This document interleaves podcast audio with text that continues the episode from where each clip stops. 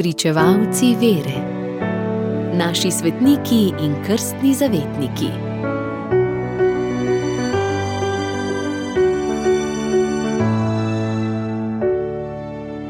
Sedemnajstega julija goduje sveti Aleš, skrivni spokornik. Star izrek pravi, da moramo svetnike občudovati, ne moremo pa jih vsem posnemati. Gotovo to velja za današnjega godovnjaka svetega Aleša ali Aleksija, sina plemenitega in bogatega rimskega meščana Eufemijana. O življenju svetega Aleša pripoveduje pobožna povest, da je bil staršem podeljen po dolgih letih molitve in hrepenenja po potomcu. Sinka sta lepo vzgojila, ko je dozorel v moža, sta mu izbrala nevesto Marino, dobro dekle plemenitega rodu. Po veseli svadbi je ženi nalež snel z roke prsten, ga dal nevesti rekoč: Sprejmi ta prsten in ga hrani, dokler bo božja volja in gospod naj bo med nama. Še tisto noč je Aleš na tihem zapustil očetni dom in se napotil proti morju. Ukrcal se je na ladjo, namenjeno na vzhod. Iz Sirije je odpotoval v mesto Edeso v Mezopotamiji kar je prinesel s seboj, je razdelil med reveže in se uvrstil med berače v lopi pred cerkvijo Matere Božje. Oče Eufemijan ga je za manj iskal vse povsod, mati in žena sta ga za manj čakali, kdaj se vrne. Minilo je sedemnajst let, Aleš je še vedno živel nepoznan med berači v Edesi. Varuh Marijine cerkve je nekega dne zaslišal glas, ki mu je velel pojdi in privedi v cerkev Božjega moža, ki je vreden Božjega kraljestva, tisti je, ki sedi zunaj pri vratih. Duhovnik je pohitev iz cerkve in šel v kalešu. Kmalo se je razvedelo, kaj se je zgodilo. Ljudje so začeli ubogega berača častiti kot svetnika. Aleš je na tihem pobegnil iz Edese in hotel priti z ladjo do Tarza, rojstnega mesta apostola Pavla, tudi ladjo je zajel vihar, tako da je na zadnje pristala v Rimu.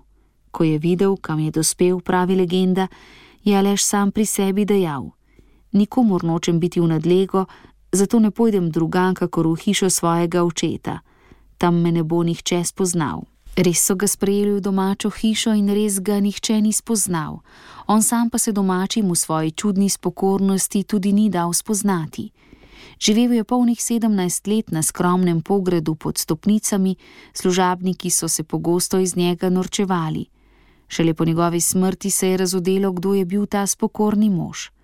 Ta napeta legenda, ki je bila mističnemu srednjemu veku zelo pri srcu, vsebuje globoko resnico.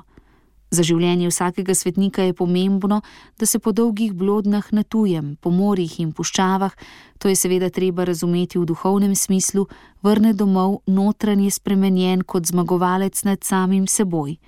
Legenda je prevzela neznanega francoskega pesnika 11. stoletja, da jo je prelil v pripovedno pesnitev Življenje svetega Aleša, ki sodi med začetna dela francoske književnosti. Ime Aleš je nastalo iz grščine in pomeni odbijam, odvračam, branim, lahko pa je tudi skrajšana oblika latinskega imena Aleksandr. V pratiki, priljubljenem kmečkem koledarju, je podoba svetega Aleša pod štengami vsako leto znova klicala v spomin njegovo čudno življenjsko zgodbo. Zato je bilo njegovo ime kot krstno ime dokaj pogosto.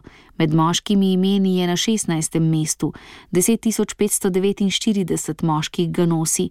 Prav tako je med našimi ljudmi tudi veliko podobnih imen, ki se večinoma uvrščajo k imenu Aleksandr, Aleks, Aleksej.